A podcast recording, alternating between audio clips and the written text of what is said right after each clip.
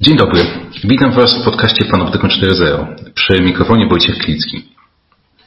25 listopada 2021 roku prokuratorka Ewa Wrzosek otrzymała od firmy Apple informację, że jej telefon mógł być obiektem ataku ze strony służb państwowych. Z czasem okazało się, że do ataku doszło za pośrednictwem programowania Pegasus, którego użytkownikiem w Polsce jest Centralne Biuro Antykorupcyjne. Po kilku miesiącach o sprawie wiemy już znacznie więcej. Znamy tożsamość innych ofiar, mogliśmy śledzić pracę specjalnej komisji w Senacie, której celem jest zbadanie okoliczności inwigilacji prokuratorki, senatora Brejzy czy mecenasa Giertycha.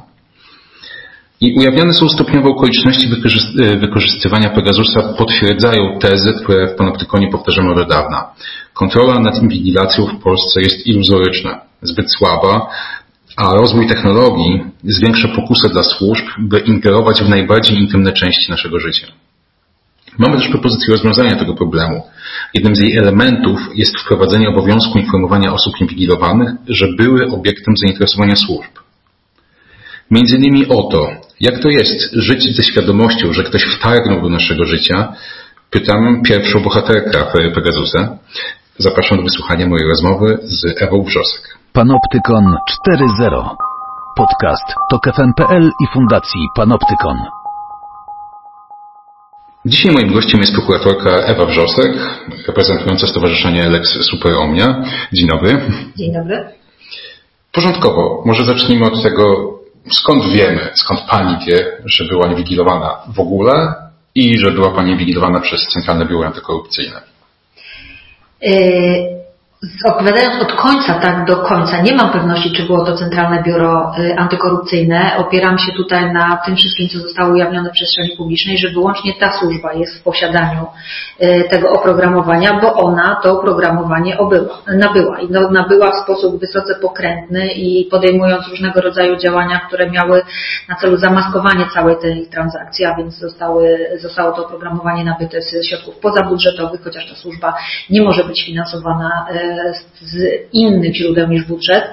E, co więcej, e, nastąpiło to po wcześniejszej zmianie przepisów kodeksu karnego wykonawczego, która umożliwiła w ogóle przekazanie pieniędzy CBA ze środków Funduszu Sprawiedliwości, którego wyłącznym dysponentem jest prokurator generalny minister sprawiedliwości Zbigniew Ziobro.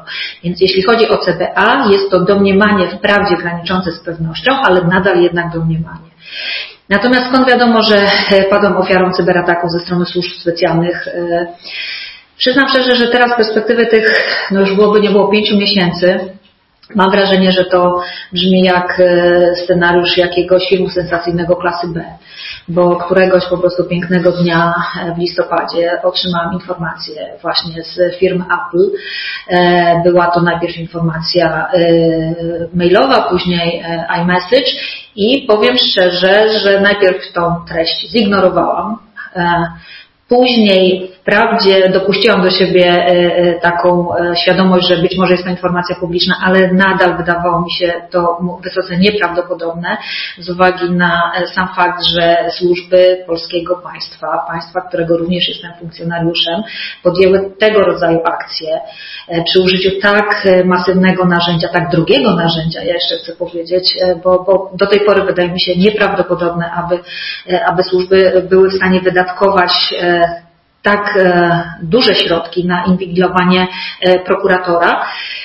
E, I powiem szczerze, że do momentu, kiedy ta informacja nie została zweryfikowana po wcześniejszych e, takich badaniach diagnostycznych mojego telefonu przeprowadzonych w sposób zdalny przez e, ekspertów Citizen Lab, którzy sami się ze mną skontaktowali po upublicznieniu przeze mnie tej informacji w, mediach społecznościowych, wydawało mi się, że jest to informacja, która nie zostanie potwierdzona, że być może rzeczywiście czarny sen. tak, dokładnie czarny sen, zwłaszcza, że E, wówczas również medialnie w listopadzie 2001 roku pojawiła się taka informacja, że firma Apple pozwała NSO Group, czyli producenta Pegasusa, e, do sądu w Kalifornii e, właśnie o łamanie zabezpieczeń iPhone. No tak, te powiadomienie, które Pani dostała, było konsekwencją tego sporu, że my, to też jest swoją drogą takie symptomatyczne, że my tutaj w Polsce mamy mieliśmy całą wielką aferę związaną z Pegasusem, która od tego SMS-a się zaczęła, ale ona jest swojego rodzaju refleksem czy odbiciem innego sporu, gdzie stoją, za którym stoją ogromne pieniądze pomiędzy Apple a NSO. Dokładnie tak. To znaczy, dla mnie osobiście to bym powiedziała był szczęśliwy przypadek, bo najprawdopodobniej, gdyby nie doszło do tego spięcia gigantów, e, czyli właśnie firmy Apple, która postanowiła jakby zakończyć te, te, te praktyki ze strony e, firmy izraelskiej, albo przynajmniej starać się je ograniczyć, to najprawdopodobniej w ogóle bym się o tym nie wiedziała. Ani ja, ani żaden, żadna z innych osób, które później pojawiły się w przestrzeni publicznej. Znaczy, ja jakby e, tutaj wnioskuję na podstawie właśnie tych wszystkich zabiegów, które zostały podjęte przez CBA w momencie nabycia tego oprogramowania. E, wnioskuję również z tego, że e, najprawdopodobniej i pewnie tak było, nabywca, czyli CBA było zapewniane, że jest to oprogramowanie niewykrywalne, samousuwalne, e, czy tak naprawdę to, co służby specjalne, e, w zasadzie e, minister koordynator spraw, e, do spraw służb specjalnych czy, czy jego rzecznik przedstawiają w przestrzeni publicznej, że wszelkiego rodzaju kontrole operacyjne realizowane przez właśnie służby specjalne odbywają się wyłącznie na podstawie przepisów prawa i wyłącznie za zgodą sądów. No to wszystko jakby skłania mnie do tego, że nabywcy i użytkownicy, czyli właśnie funkcjonariusze służb specjalnych naprawdę nie założyli w swoich najczarniejszych e, snach, że to się ujawni, że ten fakt inwigilacji przy użyciu tego narzędzia zostanie ujawniony. No, myślę, że to było dość naiwne założenie, bo już wcześniej, przed 2021 rokiem, czy jesienią 2021 roku, były pierwsze sygnały dotyczące tego, że Pegasus, chociaż nie w kontekście polskim, ale jednak nie jest e, szczery i że ktoś może uzyskać te informacje, więc to mogło być naiwne założenie, no ale jakoś tą część podsumowując, rozumiem, że to była taka sytuacja, w której Citizen Lab poniekąd do Pani się zgłosiło. E, znalazło Panią. Najpierw Apple Panią znalazł, potem znalazło Panią Lab. Dokładnie, to jest pewien taki właśnie ciąg zdarzeń dość szczęśliwych, jeżeli mogę użyć tego sformułowania, chociaż ono dziwnie brzmi w tym kontekście, e, ale najprawdopodobniej w żadnej innej sytuacji bym się po prostu o, tej, o tym fakcie tej nielegalnej inwigilacji w ogóle nie dowiedziała.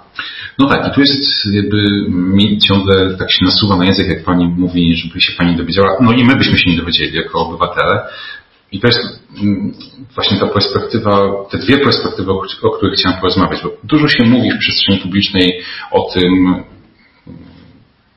całym problemie związanym z inwigilacją, czyli my nie dowiedzielibyśmy się.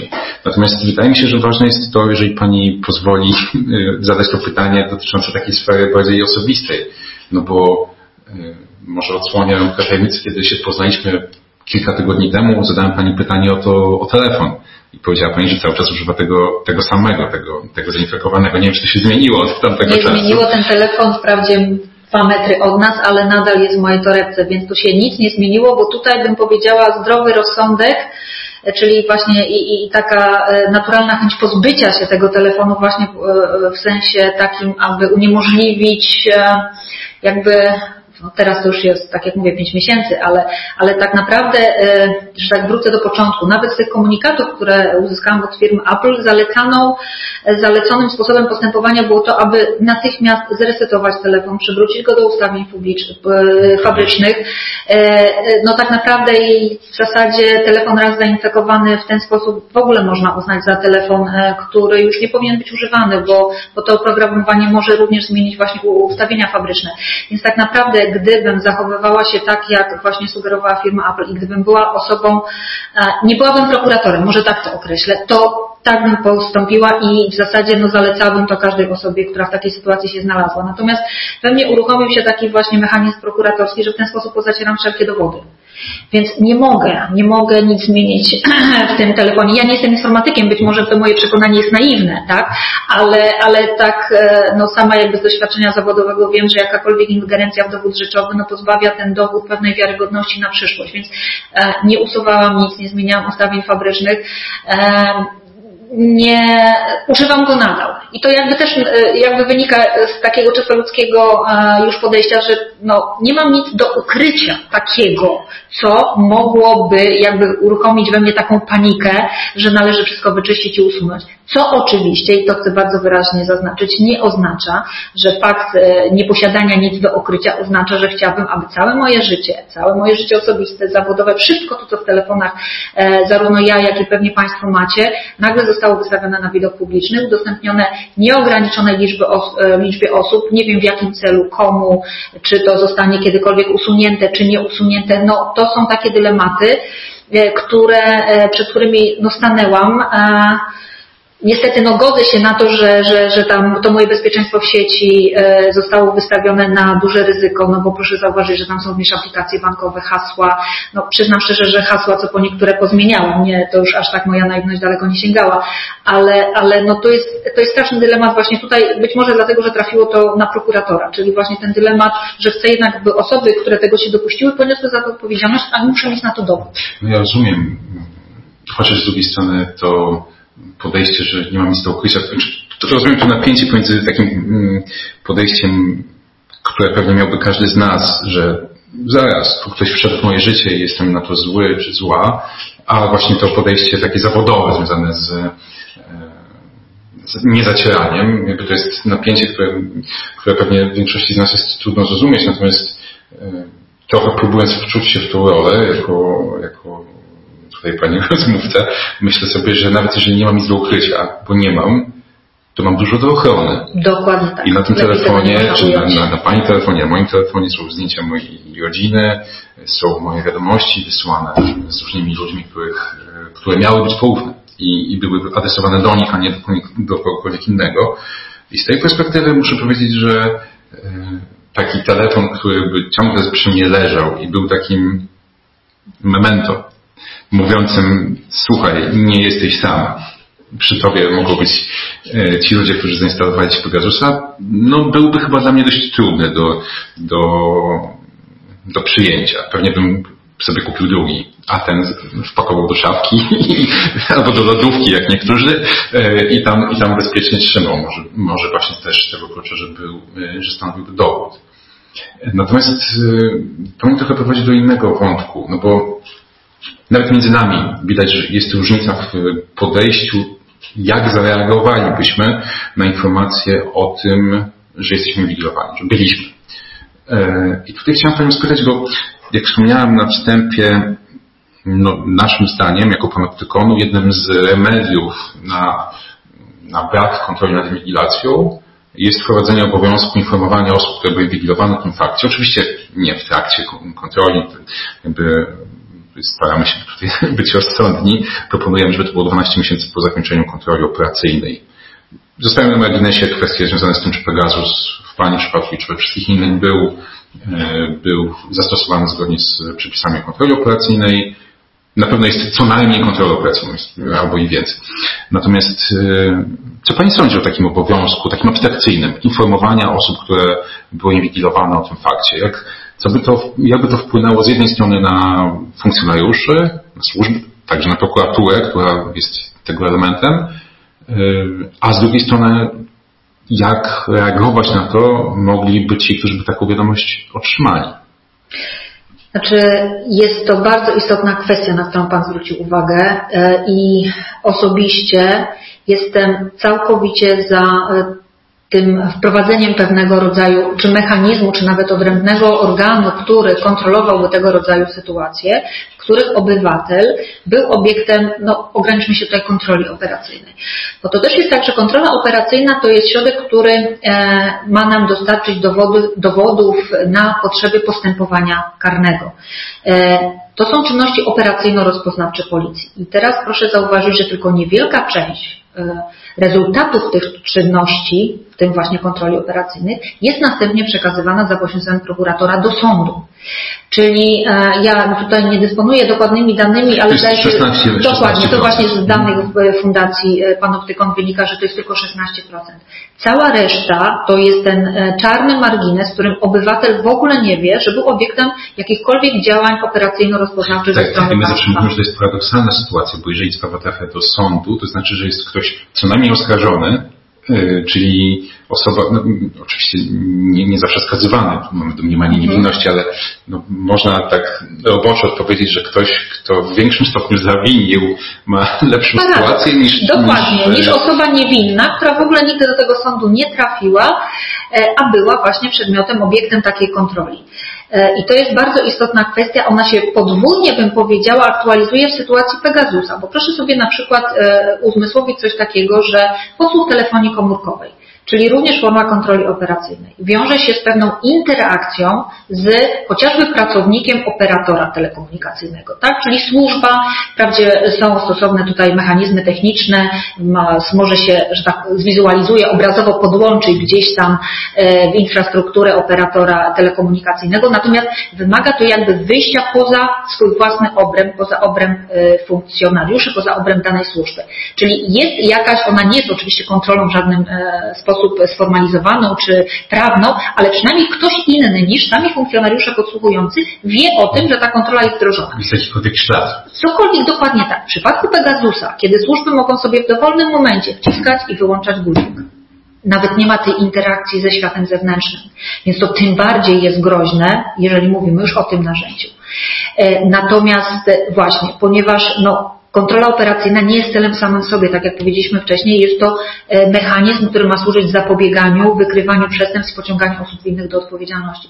Więc nie może być tak, że cały ten e, procent, e, olbrzymi procent spraw pozostaje wyłącznie wewnątrz służb, nie podlega żadnej racjonalnej kontroli, bo kontrola de facto ona, jeśli chodzi o kontrolę nad, e, kontrolę formalną nad służbami, ona de facto jest, ale jest to kontrola wysoce nieefektywna, wysoce rozproszona i e, widzę, że Pan się uśmiecha, ale to dokładnie na tym polega, że... Uśmiecham się, tak, bo ja mam... tutaj oczywiście.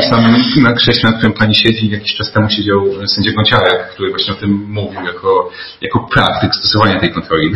Dlatego się tylko uśmiechnąłem. Tak, ale właśnie to jest taki, taki, e, bym powiedziała, dość taki sardoniczny uśmiech, bo, bo powiem szczerze, jak ja słyszę właśnie komentarze ze strony czy pana Kamińskiego, czy pana Wąsika, czy pana Żaryna, że przecież zgoda sądu jest, była i żadna inna sytuacja nie może mieć miejsca w przypadku kontroli operacyjnej, no to właśnie nie możemy inaczej zareagować niż takim uśmiechem, no przecież ta zgoda sądu nic nie sanuje, ona nic nie usprawiedliwia do końca, bo sąd chociażby nie wie, jakim narzędziem, przy użyciu jakiej techniki taka kontrola operacyjna jest e, e, wykonywana i pewnie sędzia Gąciarek, niestety nie słuchałam tego podcastu, ale postaram się go odnaleźć, pewnie zwrócił na to uwagę, że gdyby sąd wiedział, że używany jest do tego Pegasus, takiej zgody by po prostu nie wyraził.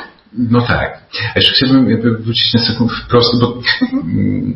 zgoda sądu i jej fikcyjność, czyli jakby problem z realnością kontroli, którą sąd sprawują, to jest jedna, jedna rzecz. Natomiast chciałbym jeszcze wrócić na sekundę do tego obowiązku informowania. Bo wcielając się na chwilę w rolę adwokata diabła, Mówimy o tych 80 kilku procentach spraw, które nie wychodzą ze służby, bo nie ma wystarczających powodów do wniesienia aktu oskarżenia, bądź są tu też sprawy, to też jest jakiś margines, ale trzeba o nich pamiętać, bo to są sprawy, które, których celem nie jest wniesienie aktu oskarżenia, bo są na przykład sprawy związane z kontrwywiadem. Mhm. No ale mm, tak czy siak, mamy te 80% spraw, których, w których ludzie nie wiedzą, żeby inwigilowali. Panoptykon chce, żeby oni byli informowani o tym, żeby inwigilowani, to ktoś mógłby powiedzieć, tworzycie im problem.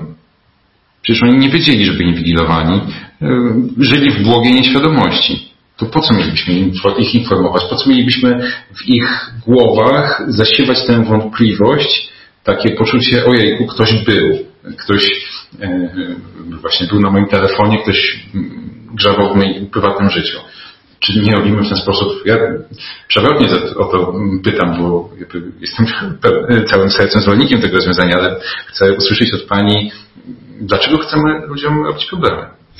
Ja myślę, że tutaj nie będziemy wyważać otwartych drzwi, bo to wszystko gdzieś już kiedyś było czy przedmiotem e, orzeczeń Trybunału Sprawiedliwości Unii Europejskiej, czy Europejskiego Trybunału Praw Człowieka, czy mamy e, konkretne rozwiązania prawne chociażby w Niemczech.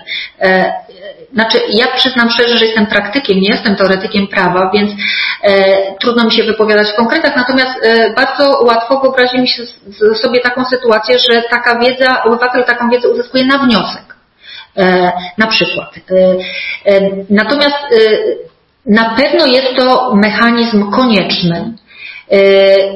Czy będziemy z niego korzystać, czy nie, to już jest nasze prawo czy wola, ale bez tego mechanizmu obywatel nie dość, że nigdy się tego nie dowie, nie wie, jakie dane na jego temat zostały zgromadzone, nie może się do, do nich odnieść, być może nie może ich sprostować, a one gdzieś zostają. Tutaj może tak odbiegając trochę od zasadniczego wątku tej naszej rozmowy, ja poruszę bardzo istotny według mnie problem E, niszczenia materiałów z kontroli operacyjnej, które nie zostały e, następnie na przykład przekazane do sądu. Mamy na to procedury, są przepisy, jest kontrola nad e, niszczeniem takich danych i są sporządzane protokoły na tę okoliczność, ale może dlatego, że nie jestem informatykiem, to łatwiej mi zadać takie pytanie. No ale jak wyobrazić sobie niszczenie materiałów zabezpieczonych w formie elektronicznej?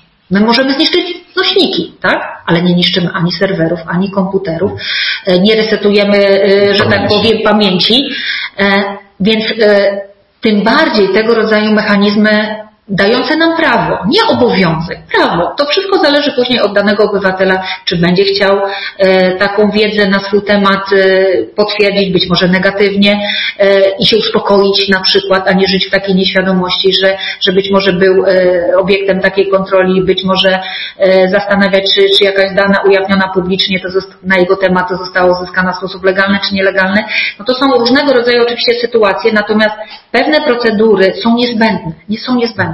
Myślę, że tutaj ważne uzupełnienie to ta kontrola nad niszczeniem danych, to niestety, jak i w wielu innych obszarach działalności służb, służb specjalnych jest to kontrola wyłącznie wewnętrzna. Oczywiście. E, co, co, co jakby powoduje, że możemy mieć ograniczone zaufanie i to, co Pani mówi, to mi tak bardzo mocno rezonuje z pewnymi rozwiązaniami, które teraz są implementowane dopiero e, właśnie we wspomnianych Niemczech, ale nie w zakresie mm, kontroli operacyjnej podsłuchu, tylko w zakresie pozyskiwania danych telekomunikacyjnych, billingów na temat, na temat obywateli i obywatelek Niemiec, gdzie w jednym, z, w jednym z landów, w tej chwili umknęła mi nazwa tego landu, istnieje taka możliwość, żeby zgłosić swój numer do bazy, o. E, do bazy osób, które wyrażają wolę, chęć bycia poinformowanym, jeżeli z tego numeru ktoś będzie pozyskiwał dane.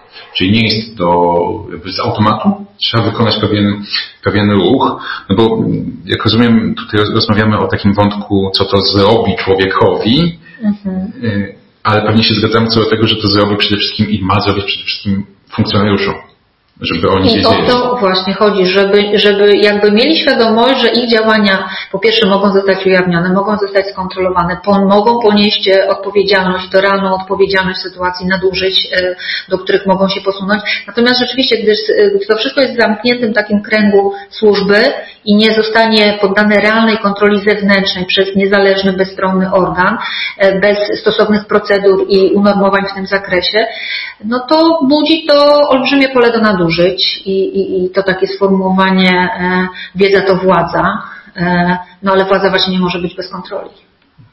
Tak, no to co do tego mamy pełną, pełną zgodność, tylko ja bym chciał jeszcze być może, już biorąc pod uwagę to, że jesteśmy kilka miesięcy po ujawnieniu afery Pegasusa, jakby wypłynąć trochę na szersze wody, bo oczywiście Pegasus, co do tego mamy tutaj pełną zgodność, jest e, skandala. To, że, był, był, że w ogóle jest stosowany, że był stosowany względem pani. Natomiast e, z mojej perspektywy, no to był wierzchołek góry rodowej, który oczywiście przykuł uwagę ze względu na spektakularność e, i głębokość możliwości, jakie daje, jakie daje to programowanie. Natomiast w gruncie rzeczy tych narzędzi jest pewnie więcej. I tutaj mam takie pytanie, może trochę prowokacyjne, do Pani już nie jako osoby inwigilowanej, ale do osoby, która być może w tym bierze udział po drugiej stronie. No bo jak jest Pani prokuratorką z wieloletnim doświadczeniem, e, i bierze Pani udział w pozyskiwaniu danych telekomunikacyjnych, billingów, lokalizacji.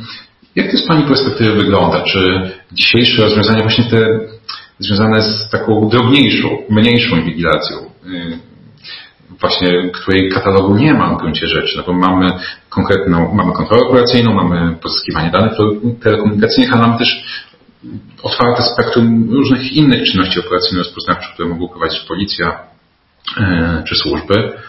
Czy w tym obszarze też widzi Pani problem związany z nadmiernym, niepotrzebnym ingerowaniem w prywatność osób, które nie są, no, które nie powinny być inwigilowane?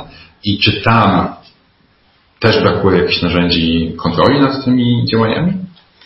Znaczy, to jest taki odwieczny dylemat pomiędzy tym, co państwo e, i jego funkcjonariusze mają w swoich obowiązkach, czyli zapewnienie bezpieczeństwa swoim obywatelom, e, a prawami i wolnościami obywatelskimi, a więc e, prawem do tajemnic korespondencji, swobody komunikowania się.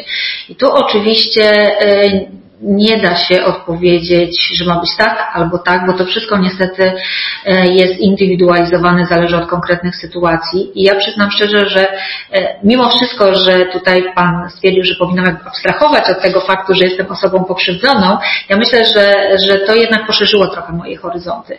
I, i być może, e, może nie powinnam mówić tego, że wcześniej takiej świadomości nie miałam, ale czasami rzeczywiście prokuratorzy czy, czy, czy policja, która do nas wnioskuje o uchylanie e, tajemnicy telekomunikacyjnej, na przykład działamy w sposób automatyczny, bez zastanawiania się, czy i w jakim zakresie właśnie naruszamy, naruszamy prywatność i czy jest to uzasadnione.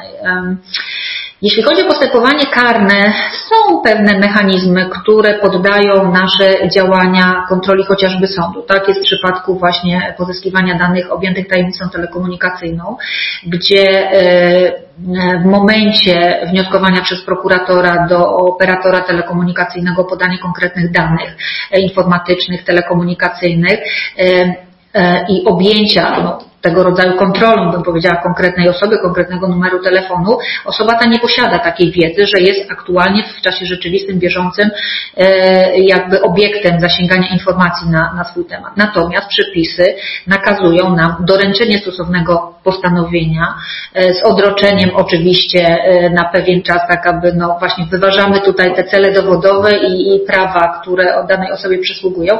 I wówczas, jeżeli uzna to za stosowne, może złożyć zażalenie nie zaskarżyć naszą decyzję no tak, do sądu. Można z tego, z tego wyciągnąć dwa wnioski. Jeden optymistyczny, drugi pesymistyczny. Optymistyczny jest taki, że da się wprowadzić taki mechanizm informacyjny.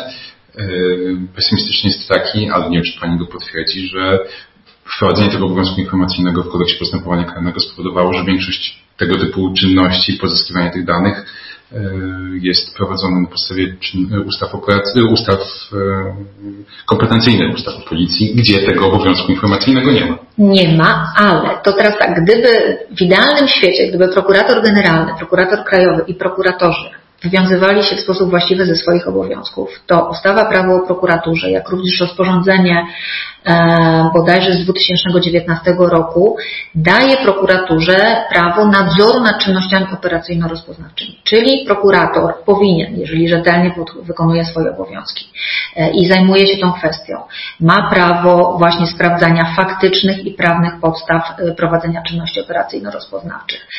Ma prawo kontroli środków technicznych, które w tym celu są wykorzystywane. No i może wyciągać z tego wnioski żądać uchyle, usunięcia ostwierdzonych stwierdzone przez siebie uchybień i tak dalej, i tak dalej.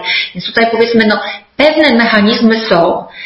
Czy i jak one w praktyce działają, no to tak jak z całą prokuraturą. W zasadzie jest idealnie, jakby posłuchać pewnej strony y, publicznej, sceny publicznej czy sceny politycznej. Praktyka niestety odbiega mocno od rzeczywistości.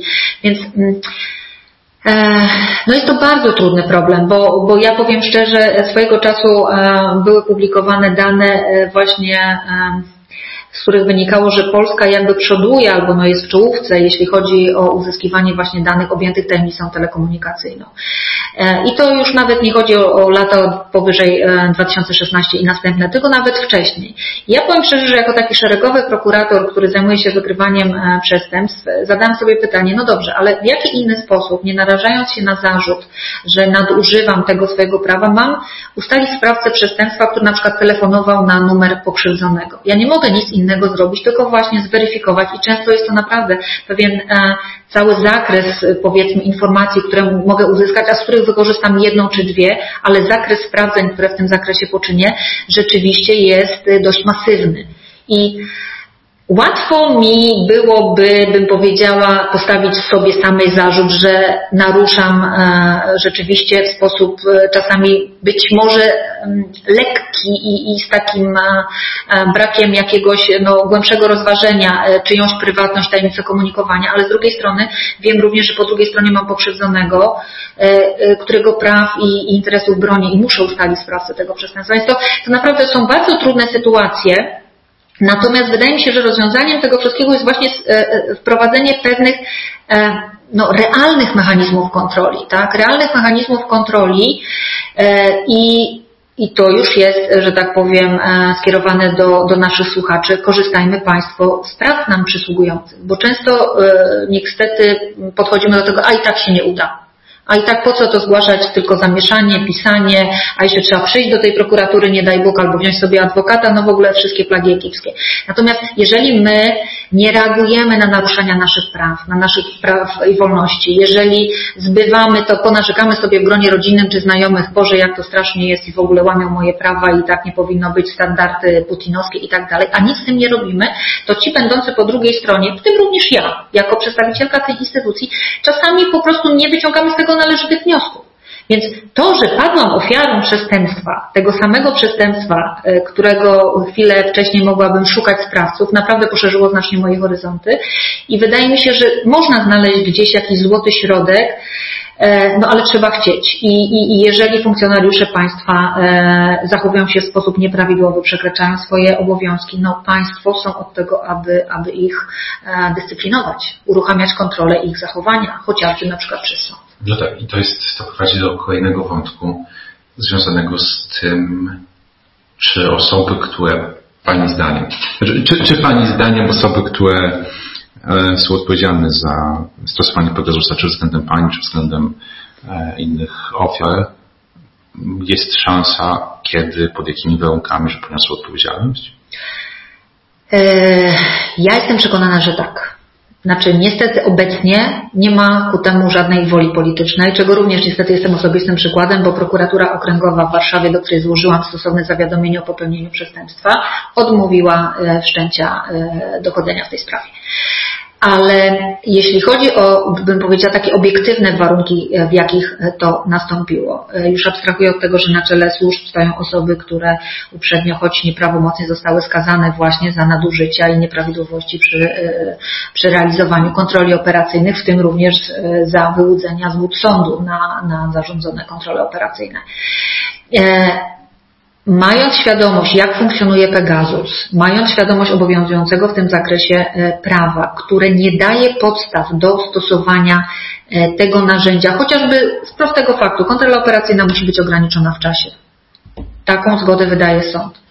E, w przypadku Pegasusa te ramy czasowe są nie do okiełznania. Ten program ingeruje nam we wszystko, czyli tak jak ja miałam inwigilowany aparat w roku 2000, aparat telefoniczny w roku 2021, ale każdy posiadacz iPhone'a wie, w jaki sposób przechodzimy z modelu na wyższy model, tak? Więc tak naprawdę w moim telefonie były dane od pierwszego mojego e, iPhone'a, który kiedyś tam sobie mnóstwo lat temu nabyłam. Więc mm, e, zmierzam do tego, że te osoby, ci funkcjonariusze, którzy nawet będą być może zasłaniać się zgodą sądu na swego rodzaju, e, na podejmowane przez siebie działania.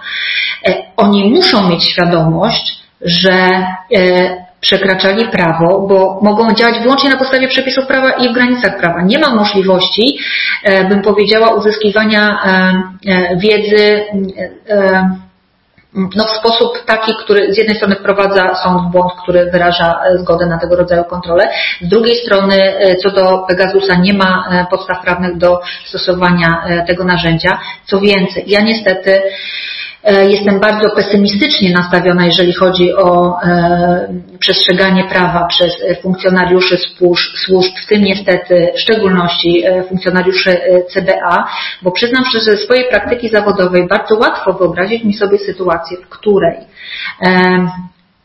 Służba ta uzyskała na przykład zgodę sądu na kontrolę operacyjną wykonywaną no chociażby przy użyciu podsłuchu telefonii komórkowej, a równolegle zupełnie w sposób bezzasadny, nielegalny wdrożyła, uruchomiła Pegasusa. Bardzo łatwo jest e, próbować zalegalizować te nielegalnie poczynione ustalenia przy użyciu Pegasusa, uzasadniając to tym, że zostały one uzyskane w drodze legalnie zarządzonej kontroli operacyjnej. Łatwo sobie wyobrazić sytuację, w której służby nielegalnie używają Pegasusa, nawet w sposób nieudokumentowany w żaden sposób, a następnie Informacje w ten sposób uzyskane wprowadzają, że tak powiem, do takiej rzeczywistości e, e, procesowej, operacyjnej, chociażby notatką urzędową, że w toku czynności bliżej Uzyskamy tak, uzyskano informację i na przykład zatrzymujemy kogoś w trakcie kontroli drogowej, czy e, udajemy się do kogoś na przeszukanie. I nie będziemy wiedzieć, że źródłem pierwotnym tej informacji był właśnie Pegasus.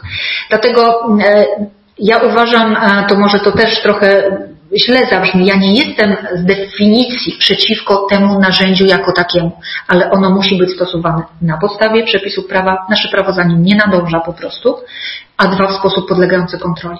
No tak, absolutnie. Tutaj myśląc o Pegasusie to jest jakby taka główna, główna myśl, że przepisy dotyczące kontroli operacyjnej powstawały w latach bodaj 2000 Natomiast Pegasus, no to wtedy nie, nie myślano o Pegasusie. Dużo mówi Pani o tym, mm, o zmianie, jaką wywołało w Pani, wywołała w Pani wiedza czy świadomość bycia, e, bycia inwigilowaną. Ja się zastanawiam nad, e, nad długofalowymi efektami już nie Pani, tylko jakby w przestrzeni publicznej, społecznej, politycznej e, afery aferę związaną z Pegasusem, inwigilacji Pani czy pozostałych osób. Czy Pani zdaniem, no bo dzisiaj jesteśmy w innym momencie. Dzisiaj jesteśmy w momencie, w którym emocje są, e, są gdzie indziej, zainteresowanie i no to jest też naturalne. Trwa, e, trwa wojna w Ukrainie. Natomiast zastanawiam się, czy, te, czy to, że była komisja, że przez dwa miesiące e, opinia publiczna żyła tym tematem i jakby naprawdę na wszelkie sposoby można było, wszędzie można było usłyszeć o tym, dlaczego, dlaczego to jest problem, jakie są jego konsekwencje. Czy to Pani zdaniem wywoła jakąkolwiek długofalową zmianę? Czy to będzie jedna z kolejnych afer, tylko akurat afera, którą, przepraszam, w której Pani była bohaterką, a w następnym bohaterem być bohaterką będzie ktoś inny? E, Uważam, że wojna nie unieważnia tego wszystkiego, co stało się do tej pory. I być może rzeczywiście rolą e, czy prawników, czy e, mediów, czy osób, aktywistów zaangażowanych w to jest stałe przypominanie, że praworządność jest niezbędna i bardzo wiele dobrego uczyniła w tym zakresie Komisja Senacka. Ja przyznam szczerze osobiście nie spodziewałam się, że aż tak dużo okoliczności zostanie e, ujawnionych i chociaż nie ma tutaj żadnej mocy sprawczej czy władczej e, ta komisja, natomiast sam fakt ujawnienia e, tych wszystkich przypadków inwigilacji i zwrócenia uwagi na ten problem przestrzeni publicznej, to nie pozostanie bez echa. Konsekwencją jest również e, przecież przesądzona już, e, przesądzone już powołanie komisji e, do spraw Pegasusa, do spraw inwigilacji na Węgrzech i w Polsce na forum Europarlamentu. Więc tak, tutaj też dokładnie. na pracę. Ta komisja, przy czym, przepraszam, że wszedłem Pani w słowo, tylko dodam, że my rozmawiamy 23 marca co być może słuchając tego podcastu będzie miało dla Was, słuchaczy, jakieś znaczenie, bo być może jest coś, o czym my dzisiaj nie wiemy, a a Państwo już wiecie. A to tylko tak na marginesie. I, ale to właśnie, miejmy nadzieję, że to, co, o czym my mówimy teraz w czasie przyszłym, będzie już zaktualizowane. E, oczywiście, no rzeczywiście, w, mając na uwadze wojnę w Ukrainie, wszystkie pewne rzeczy zeszły na plan dalszy, natomiast e, e, w naszym interesie, w interesie obywateli e, polskich, Europejczyków, jest to, aby zostały wypracowane pewne spójne mechanizmy. E, być może dopracujemy się jakiejś dyrektywy, którą również państwo polskie będzie musiało w tym zakresie wdrożyć. E, natomiast nie możemy tego tematu odpuścić, bo to nie jest sprawa kilku osób, które były inwigilowane w Polsce. Pewnie zresztą skala tych osób, czy, czy zakres osób podlegających kontroli w ten czy inny sposób na granicy prawa jest zdecydowanie większy. Natomiast no, również to jest tego rodzaju sytuacja, że niestety znowu wrócę do siebie, że to nie tylko ja byłam obiektem tej kontroli. To byli, e, to byli również członkowie mojej rodziny, moi znajomi, moi współpracownicy, osoby, z którymi mijałam się na ulicy, e, robiłam zakupy w sklepie i tak dalej, i tak dalej, więc wszyscy musimy sobie zdawać świadomość, że to nie jest naruszony indywidualny interes osoby inwigilowanej. To są naruszone nasze prawa i wolności obywatelskie, e, takie w skali bardzo szerokiej. I musimy jako społeczeństwo domagać się wprowadzenia tak, e, takich mechanizmów i procedur, abyśmy realnie mogli kontrolować tego rodzaju sytuacje. Tak, ja się absolutnie zgadzam i myślę, że też takim konkretnym efektem całego zamieszania wokół Pegasusa może też być rosnąca świadomość tego, że mm, problem niekontrolowanej inwigilacji jest elementem problemu z praworządnością. Bo dotychczas miałem takie poczucie, że podpraworządność, jakby ona się kojarzyła tak, z... zafiksowaliśmy się z, na sądach. Z wymiarem sprawiedliwości, z Trybunałem Konstytucyjnym. E, słuszne to było skojarzenie, natomiast e, problemy związane z właśnie z no, rosnącymi uprawnieniami służb i ich praktycznym stosowaniem były gdzieś spychane na margines. Ja też mam tezę, dlaczego tak jest. Ponieważ e, to nie jest tak, że tylko w Polsce są problemy tego typu że, że tylko w Polsce polskie władze nadużywają tego typu uprawnień. Pegasus nie był tylko w Polsce. Był, jest, czy był stosowany w wielu państwach unijnych i to napięcie, którego efekt, które jest źródła tego wszystkiego, czyli no, to też Pani wspominała o tym pomiędzy bezpieczeństwem, pomiędzy koniecznością zapewnienia bezpieczeństwa, a prawami i wolnościami jednostki, ono jest powszechne, uniwersalne. E, I w tym sensie e, my jakby nie jesteśmy tutaj wyjątkowi. E, niemniej to, co się dzieje teraz, właśnie afera Pegasusa, jednak pokazuje, że Polak potrafi i, i, że, i że tutaj też być może jakieś Rubikony przekroczyliśmy, czego efektem jest powołanie tej komisji to nie jest chyba śledcza, no, komisji w Parlamencie Europejskim. Nie Wydaje mi się, że jednak to jest tak, komisji śledczej, tak, bo to jest bardzo taka poważna, poważna, że tak powiem, ranga tej komisji. Tak, tak. Jasne, więc być może, być może albo przed, albo po emisji naszego podcastu będziecie mieli Państwo jeszcze możliwość posłuchania Pani Prokurator w, przed tamtą komisją. No a tymczasem ja serdecznie dziękuję za rozmowę. Y, którą miałem okazję przeprowadzić z panią prokuratorką Ewą Wrzosek. Y, żegnam się z Wami Wojciech Klicki. No i do usłyszenia w kolejnym podcaście Panoptykon 4.0. Bardzo dziękuję. Technologie i człowiek. Człowiek i technologie. Gdzie na tym styku czekają na nas zagrożenia? Jak korzystać z technologii, by na nich skorzystać? Jak kontrolować, kto gromadzi o nas informacje i do czego ich używa?